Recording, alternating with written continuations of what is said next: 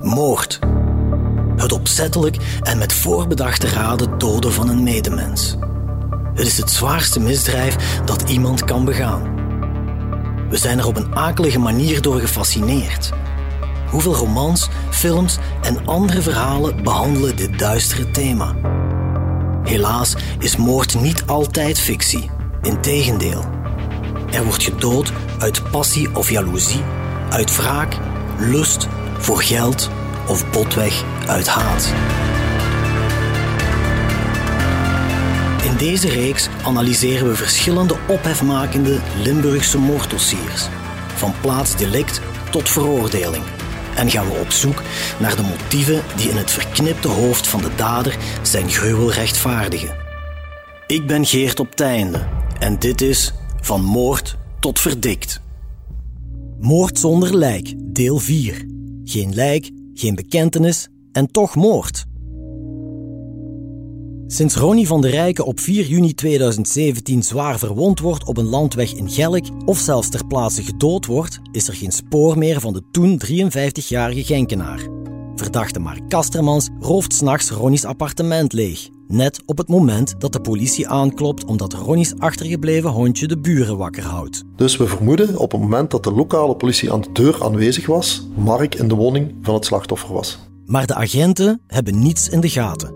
In de periode na de verdwijning duiken de spullen van Ronnie op bij verschillende mensen uit Kastermans entourage.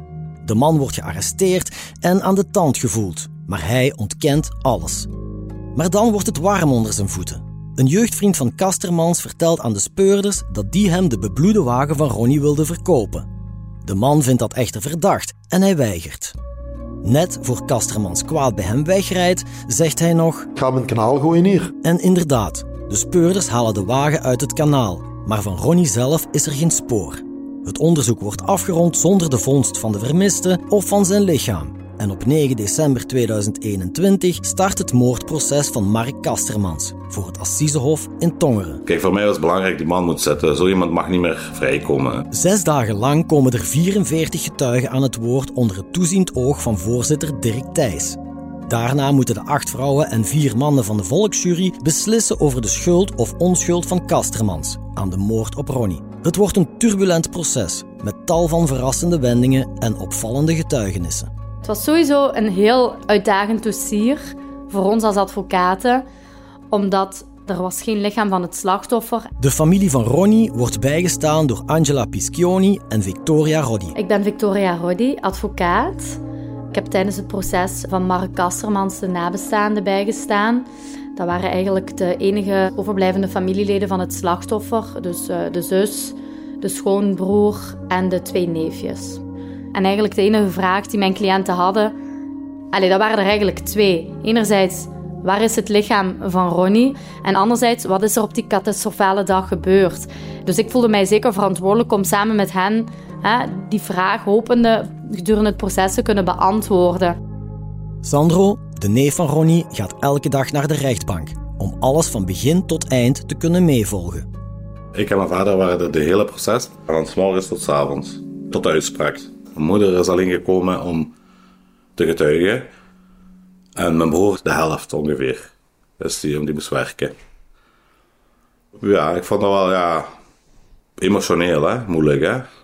Ja, ook omdat je moeder daar ziet, je ziet, ja, dat is, zo, dat is, dat is allemaal dubbel. Hè?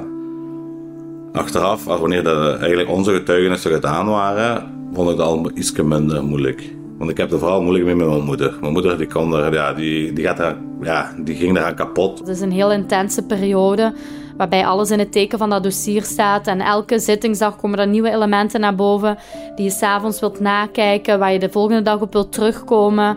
Maar ik, uh, ik vond het heel bijzonder om mee te maken en om zo dicht bij die familie eigenlijk te staan, om samen met hun door dat proces te gaan. Ook openbaar aanklager Ken Witpas hoopt dat er nieuwe informatie zal opduiken tijdens het proces. En dat kan, want een assiseproces is heel onvoorspelbaar. Het onderzoek van de speurders is dan wel afgelopen, maar onbeantwoorde vragen of onduidelijkheden worden verder onderzocht in de rechtbank. Een assiseproces is puur mondeling en dat moet allemaal herhaald worden. Het onderzoek gebeurt sinds de rechtzetting en je weet niet wat er gaat gebeuren. Je hebt dat niet meer in de hand. Vandaar dat het altijd, zeker een proces, dat is een spannende zaak, ook voor een openbare aanklager. Mensen kunnen hun verklaringen intrekken, er kunnen nieuwe plots ontstaan, er kunnen fantaseerde verhalen zich uh, aandienen, dat je moet, er kan van alles gebeuren, er kunnen getuigen niet verschijnen enzovoort, enzovoort. Wat dat maakt dat het toch wel een spannende aangelegenheid is. Maar zelf vond ik het een heel integrerende eh, zaak om te doen, om, omdat je probeert toch niet alleen de, de schuld te bekomen van, van iemand, om je gelijk te halen, maar je probeert ook nog verder te geraken dan hetgeen het, het, eh, strafonderzoek heeft gedaan. Namelijk, je wilt die bekentenissen van de beschuldigde eruit krijgen, je wilt dat lichaam uh, naar boven zien komen. En je weet nooit niet op voorhand of dat zoiets gaat gebeuren, ja of nee. Bart Vosters neemt de verdediging van beklaagde Mark Kastermans voor zijn rekening. Ik ben Bart Vosters en ik heb uh, meneer Kastermans verdedigd in zijn dossier voor Tof Ik ben uh, door hem gecontacteerd, dat zal ongeveer uh, een driekwart jaar voordat de zaak voorkwam. En dan heeft hij mij gecontacteerd vanuit de gevangenis. Als ervaren strafpleiter weet meester Vosters als geen ander dat een Hof van Assise voor heel wat verrassingen kan zorgen. Dit dossier was vooral bijzonder omdat er eigenlijk geen bekentenissen waren. Dus Kastermans heeft altijd ontkend. Uh, en nota bene waren er hier eigenlijk geen directe bewijzen. Het is te zeggen, er was geen lijk gevonden. Dus dat maakt het al helemaal bijzonder. En ja, dan waren het vooral uh, de onderzoekers die dan hun, zaak rond moesten maken. En dus ik ben eigenlijk maar dat doe ik langer hoe meer in assisezaken, uh, heel onbevangen uh, naar die zaak toegegaan. Ik heb dat zo ook bij mijn eerste woord aan de jury gezegd. Ik ga samen mee op zoek naar de waarheid in deze zaak en we zullen zien wat dat het geeft. Omdat ik ondertussen uit ervaring wel weet dat een assisezaak altijd verrassingen in petto heeft. Maar de rechtszaak is natuurlijk vooral voor Mark Kastermans zelf een belangrijk moment. Misschien zijn het wel de belangrijkste zes dagen uit zijn hele leven. Hij krijgt maar één kans en moet dan zijn lot in de handen van twaalf onbekende burgers leggen. Maar het is ook een kans. In het Hof van Assise kan hij zichzelf verdedigen, uitleg geven en zijn kant van het verhaal vertellen. Ik weet natuurlijk niet hoe dat hij daar echt naar keek, maar ja, voor hem zal dat ook wel speciaal zijn geweest, uh, omdat natuurlijk hij ook uh, ontkend heeft altijd. Uh, maar natuurlijk, hij was degene om, om wie het draaide en op het eind van de rit zal er over zijn verder leven beslist moeten af geworden zijn. Dus voor hem zal dat dubbel spannend zijn geweest. En ja, goed, gaat de jury in mijn verhaal mee dat ik er niet bij betrokken ben en zou ik worden vrijgesproken. En in de andere geval, als men daar niet in meegaat, ja, wat gaat men dan uh, als straf er tegenover stellen? Want ja, dat is letterlijk de rest van zijn leven uh, die dat daar in de weegschaal lag. Tijdens het proces worden Kastermans verleden en persoonlijkheid grondig onder de loep genomen. Enkele getuigen vertellen over zijn jeugd, die blijkbaar niet altijd zo rooskleurig verliep.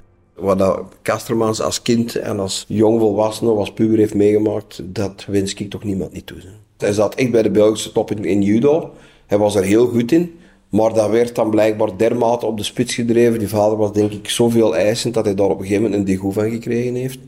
En als ik, ik herinner mij nog ergens iets, uh, dat er een tante of zo is komen zeggen dat hem ja, dat, dat hem dan thuis als een manneke was 7, 8 jaar en dat was dan niet, of hij kon niet binnen en dan heeft hem buiten moeten slapen uh, voor de deur en zo, die, van die dingen allemaal. Omdat de druk te groot is, stopt Kastermans op zijn achttiende met judo en hij duikt het uitgaansleven in als portier. Veel mensen zijn bang van hem, wegens zijn reputatie als vechtersbaas. Maar na een motorongeluk gaat het snel bergaf met Kastermans. Om de pijn te bestrijden neemt hij tal van zware pijnstillers, waaronder morfine en zelfs heroïne met een verslaving tot gevolg. Op het proces komen twee liefdesrelaties van Kastermans ter sprake. Tussen zijn 17 en 20 jaar heeft hij een relatie, maar wanneer die vriendin zwanger wordt, vertrekt hij meteen. Wanneer hun dochter dood ter wereld komt, keert Kastermans even terug naar zijn vriendin. Maar de verleiding om met andere vrouwen om te gaan wordt al snel te groot. Vervolgens heeft hij 15 jaar lang een relatie met de vrouw van Jacques Gérin, de vriend van Kastermans die in 2002 plots verdwijnt. Het is een turbulente relatie, vol huiselijk geweld. Zo dreigde Kastermans er onder andere mee dat hij zijn vriendin zou oplossen in zoutzuur. Op een bepaald moment trekt hij zelfs handschoenen aan, richt daarna een pistool op zijn vriendin in de slaapkamer en schiet twee keer. Hij mist, maar de vrouw staat wel doodsangsten uit. Volgens Kastermans ging het pistool per ongeluk af. Maar wanneer hij wordt opgepakt, is de vrouw opgelucht om eindelijk van hem af te zijn. Kassermans beschrijft zichzelf als een niet-agressief persoon. Hij is geduldig, zegt hij, iets wat hij heeft geleerd in de portierswereld en in de gevangenis. Maar hoe hij echt in elkaar zit, zullen we nooit weten. Want Kastermans weigert een psychiatrisch onderzoek, omdat hij de feiten ontkent en niet wil meewerken. Op het moment van zijn arrestatie leeft hij trouwens van een maandelijkse uitkering van 400 euro. Kastermans levensloop is dus op zijn minst merkwaardig te noemen. Maar op het assiseproces tellen natuurlijk vooral de harde bewijzen. Een hele dag lang doen de rechercheurs hun onderzoek uit de doeken. Ja, als case officer worden wij opgeroepen, worden wij gedagvaard om ons eh, dossier te gaan uitleggen voor assise. Dus daar is een hele PowerPoint-presentatie van gemaakt. Om u een idee te geven, dat zijn uh, 348 slides die wij hebben gemaakt met het volledige dossier van A tot Z. En we zijn daar met drie mensen gaan getuigen. De collega's wat het verhoor hebben gedaan en uh, ik dan als case officer. We hebben daar de volledige zaak uitgelegd en dat is toch wel redelijk indrukwekkend. Wij zijn geen mensen die uh, iedere dag op de voorgrond staan. We werken liever achter de schermen. Maar op dat moment staat je in het middelpunt van de belangstelling, wat wij absoluut niet gewend zijn. Urenlang vertellen de speurders van de lokale en federale politie over het talloze bewijsmateriaal dat ze hebben kunnen verzamelen. Dankzij onder meer camerabeelden, telefonieonderzoek en banktransacties. Maar Bart Vosters, de advocaat van Kastermans, is niet onder de indruk van die indirecte bewijzen van de speurders. Ja, indirect bewijs, maar met indirect bewijs moet altijd heel voorzichtig zijn, omdat uh, de ervaring in strafzaken leert dat, en dat is geen verwijt, dat is misschien iets menselijk, maar dat heel dikwijls uh, vanuit het onderzoek er met een bepaalde tunnelvisie naar zo'n indirect bewijs wordt gekeken. Men gaat er denk ik iets te snel vanuit van oké, wij hebben hier iets, dat past in ons verhaal. En dat gaan we nu als waarheid aannemen. Terwijl er mogelijk andere scenario's te bedenken zijn uh, waarop dat, dat indirect bewijs ook toepasselijk zou kunnen zijn. En dus dan is het de taak van ons om daar heel kritisch naar te kijken en te zien van ja goed, wat blijft er uiteindelijk van overeind? Is dat geloofwaardig? En als dat niet het geval is, ja, dan is het aan ons om, om dat gewoon voor te leggen. En dan zal het ofwel een rechtbank, in dit geval een volksjury zijn, die dat dan zal oordelen of dat het inderdaad ernstig genoeg was of niet. Maar wat we niet mogen doen, dat is denk ik, en dat gebeurt soms toch wel veel te snel, dat is om bepaalde elementen gewoon voor waarheid aan te nemen, omdat ze passen in het verhaal wat dat de politie wil brengen. En natuurlijk, de politie, wij zijn niet onafhankelijk. Wij, staan alleen maar de man achter mij, of wij staan alleen uh, de, de, de verdachte achter ons uh, bij. En de politie heeft maar één taak, dat is het oplossen. En dat is soms wel een gevaarlijke insteek, omdat dat dikwijls de drijfveer kan zijn ja, om, om, om misschien iets minder kritisch naar iets te kijken. Als ook de jury het indirecte bewijs onvoldoende vindt, zijn de getuigenissen des te belangrijker. Maar de feiten spelen zich af in het drugsmilieu. Getuigen ondervragen verloopt daardoor een stuk moeizamer. Dat herinnert openbaar aanklager Ken Witpas zich. Er was één getuige die haar verklaring van vier jaar eerder, een duidelijke verklaring die ook door andere mensen werd bevestigd, die die verklaring kwam omkeren, een bocht van 180 graden kwam maken in het voordeel van Kastermans, waarbij zij eigenlijk uh, duidelijk mijnheid pleegde eh, op de eet die zij had afgelegd. En dan uh, heb ik uiteindelijk haar uh, laten arresteren wegens mijnheid en haar laten afvoeren. Dat is uitzonderlijk. Dat wordt meestal niet zo gedaan, maar ja, ik heb die opdracht gegeven om te laten zien dat we er gevolg aan gaven.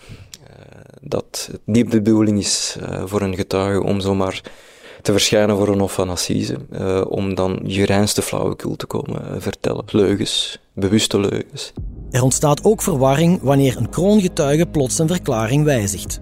De man waaraan Kastermans de bebloede auto van Ronnie heeft aangeboden, vertelt tijdens een pauze in café Gerechtshof, pal tegenover de rechtbank, iets helemaal anders dan wat hij even daarvoor in de getuigenbank heeft verklaard de ex-vriendin van Ronnie kwam naar mijn broer toe, buiten, en zei van, uh, hij was juist in de cafékeer tegenover en vertellen van dat hij Ronnie dat hij de been heeft gezien uitsteken uit de auto. De ex-vriendin van Ronnie is dus ook in het café.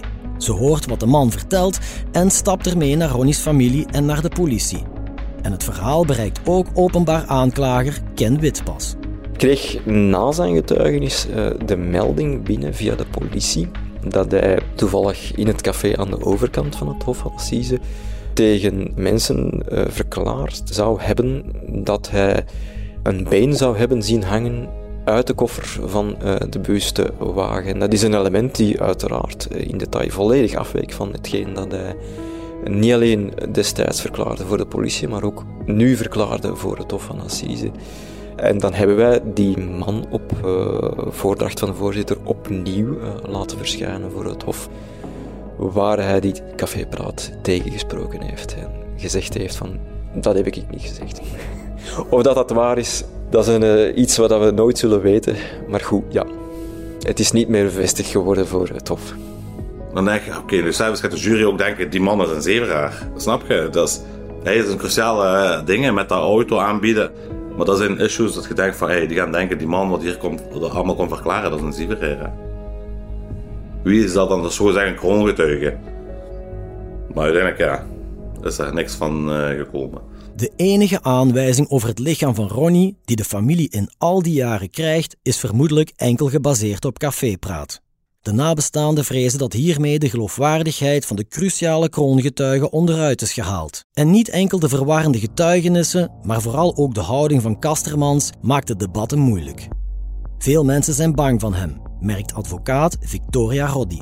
Wat zowel uh, mij als de nabestaanden heel erg was opgevallen tijdens het proces, is dat heel veel getuigen die toch een redelijk omstandige verklaring hadden afgelegd bij de politie, op het moment dat ze eigenlijk in de getuigenbank stonden, dichtklapten, aan het huilen waren, aan het bibberen waren, oogcontact aan het vermijden waren met Kassermans.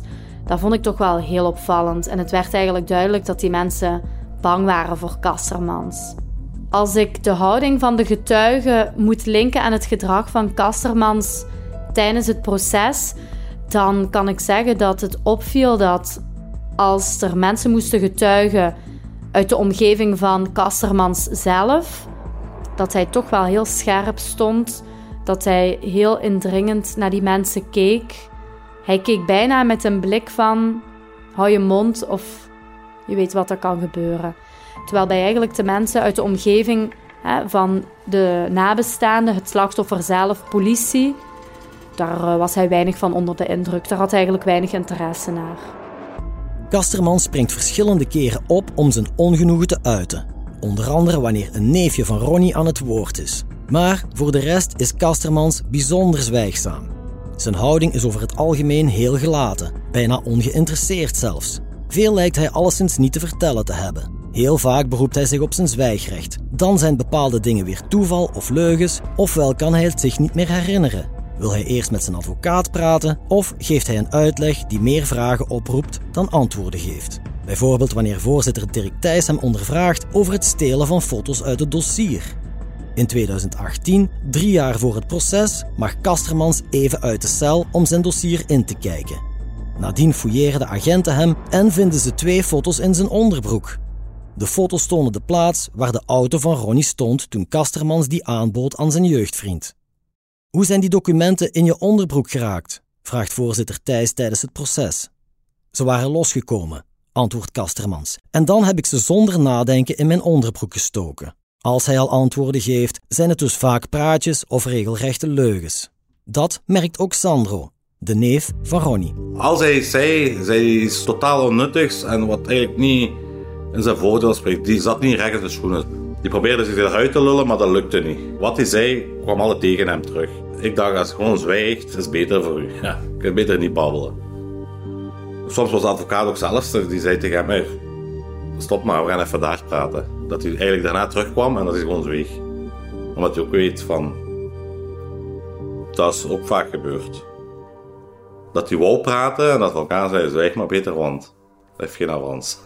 Wat je nu zit weer te vertellen. Maar er is altijd wel kritiek op de houding van een beklaagde, weet Bart Vosters, de advocaat van Mark Kastermans. Dat zal ook zijn persoonlijkheid wel zijn, maar er is natuurlijk altijd iets. Ofwel is men ongeïnteresseerd. Als men erbij zit en men is wel geïnteresseerd of men stelt veel vragen, dan zegt men hij is arrogant. Je hebt mensen die heel emotioneel zijn, dan zegt men het zijn krokodillentranen. Dus iemand dat in een beklaagdebank zit, dat heb ik toch wel geleerd de afgelopen 25 jaar, die kan zelden iets goed doen. Ik heb zelden iemand geweten achter mij waarvan dat men zegt, goh, dat was, uh, die gedroeg zich nu in deze of dat. Men heeft er altijd opmerkingen over. Tegenover mij is hij altijd correct geweest. En uh, soms deed hij wel eens uitspraken dat ik dacht van, Mark, wat zeg je nu? Maar goed, dat gebeurt nog. Uh, dus ik stel me daar, ik maak er niet te veel problemen over. Ik zoek er ook altijd niet meer achter als dat, omdat ik ook weet dat die mensen in die positie, die zijn al vrij kwetsbaar. Uh, en ja, dan zeggen ze soms wel eens van die dingen. Het is echt helemaal geen prater en hij, kan het dikwijls ook niet goed verwoord krijgen, denk ik. En dan, dan zwijgt hem uh, ook liever. Uh, is dat dan vanuit de wetenschap? Al hetgeen dat ik zeg, dat wordt verkeerd geïnterpreteerd, wat ook dikwijls gebeurt. Of ik zeg liever niks, dan kan ik ook niks verkeerd zeggen. Dus in dat opzicht is dat ook iets wat niet abnormaal is voor een Hof van Assise.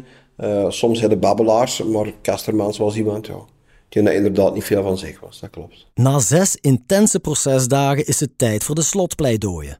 Advocaten Victoria Roddy en Bart Vosters pleiten elk een tweetal uur. Nu, belangrijk in het strafrecht is, iemand is natuurlijk onschuldig tot het tegendeel wordt bewezen.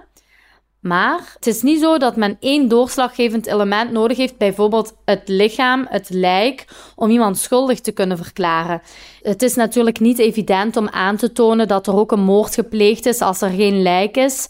Maar er zijn in dit dossier zoveel elementen, objectief, die aantonen dat er wel degelijk sprake is van de dood van Ronald van der Rijken, die veroorzaakt is door een opzettelijke doding door Mark Kastermans dat uh, ondanks het feit dat er geen lichaam is gevonden, het wel degelijk duidelijk is dat er sprake is van moord. Dat indirect bewijs was niet altijd heel overweldigend, moet ik zeggen. En dan is het natuurlijk dikwijls een kwestie van interpretatie. Uh, en ik heb toch twee uur aan een stuk bezig geweest, enkel maar door die zaak tegen het licht te houden en aan de jury voor te leggen van ja, we moeten toch voorzichtig zijn met de interpretatie van deze en is het inderdaad allemaal wel, zo waterdicht als dat de politie zegt? En zijn er misschien andere elementen uh, of, of andere zaken die dat, dat een andere verklaring kunnen geven? Het hoofdprincipe is nog altijd twijfel uh, strekt tot voordeel van de beklaagde. En dus minstens dat je twijfelt in mijn ogen, moet je, moet iemand vrijspreken. Er is niks zo erg als uh, iemand die dat eigenlijk niet gedaan heeft, toch te veroordelen. Dan kun je inderdaad beter iemand uh, vrijspreken die dan misschien wel schuldig is, dan dat je een onschuldige veroordeelt. Dat is een heilig principe en goed, daar moest dan uiteindelijk de jury over oordelen. Dat is inderdaad aan de twaalfkoppige volksjury om uit te maken. Wanneer het assiseproces naar zijn einde loopt en de debatten afgerond zijn, gaat de jury in beraad. Intussen maakt de neef van Ronnie de balans op van de intense voorbije dagen. Ik heb ook alles gevolgd in de hoop van dat ik ging weten wat er effectief gebeurd is tussen hem en uh, mijn onkel. Maar ja, uiteindelijk, als jij zwijgt, ja, dan gaat je het nooit weten. Dus dat hebben we ook niet kunnen afsluiten. Is die geslagen met een steen? Ja, zo goed als wel. Maar wat er nou allemaal gebeurd, weten we niet. Hè? We gingen het daarvoor antwoorden, maar we hebben die niet gehad. Hè? Je hebt al een film gemaakt in je eigen. Hè? Wat er zou gebeurd kunnen zijn. Hè? Maar oké, okay, je weet nooit de juiste, exacte, was de discussie geweest? Waar, waarom heeft hij dat gedaan?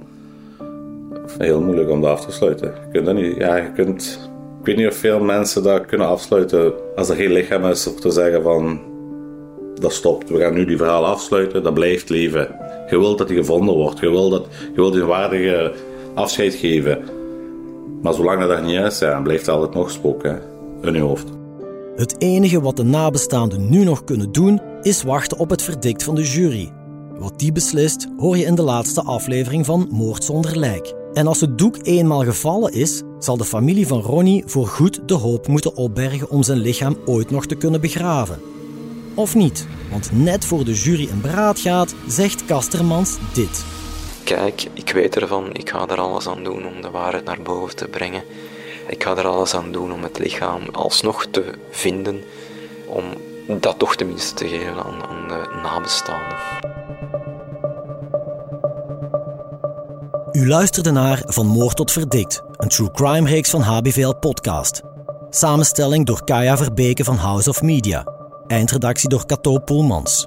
Audioproductie door de buren. Chef podcast is Geert Nies. Reageren? Dat kan via podcast.hbvl.be. Benieuwd naar wat er in de wereld gebeurt en wat dit juist betekent voor onze provincie? Ontdek onze voordelige leesformules op hbvl.be/voordelig.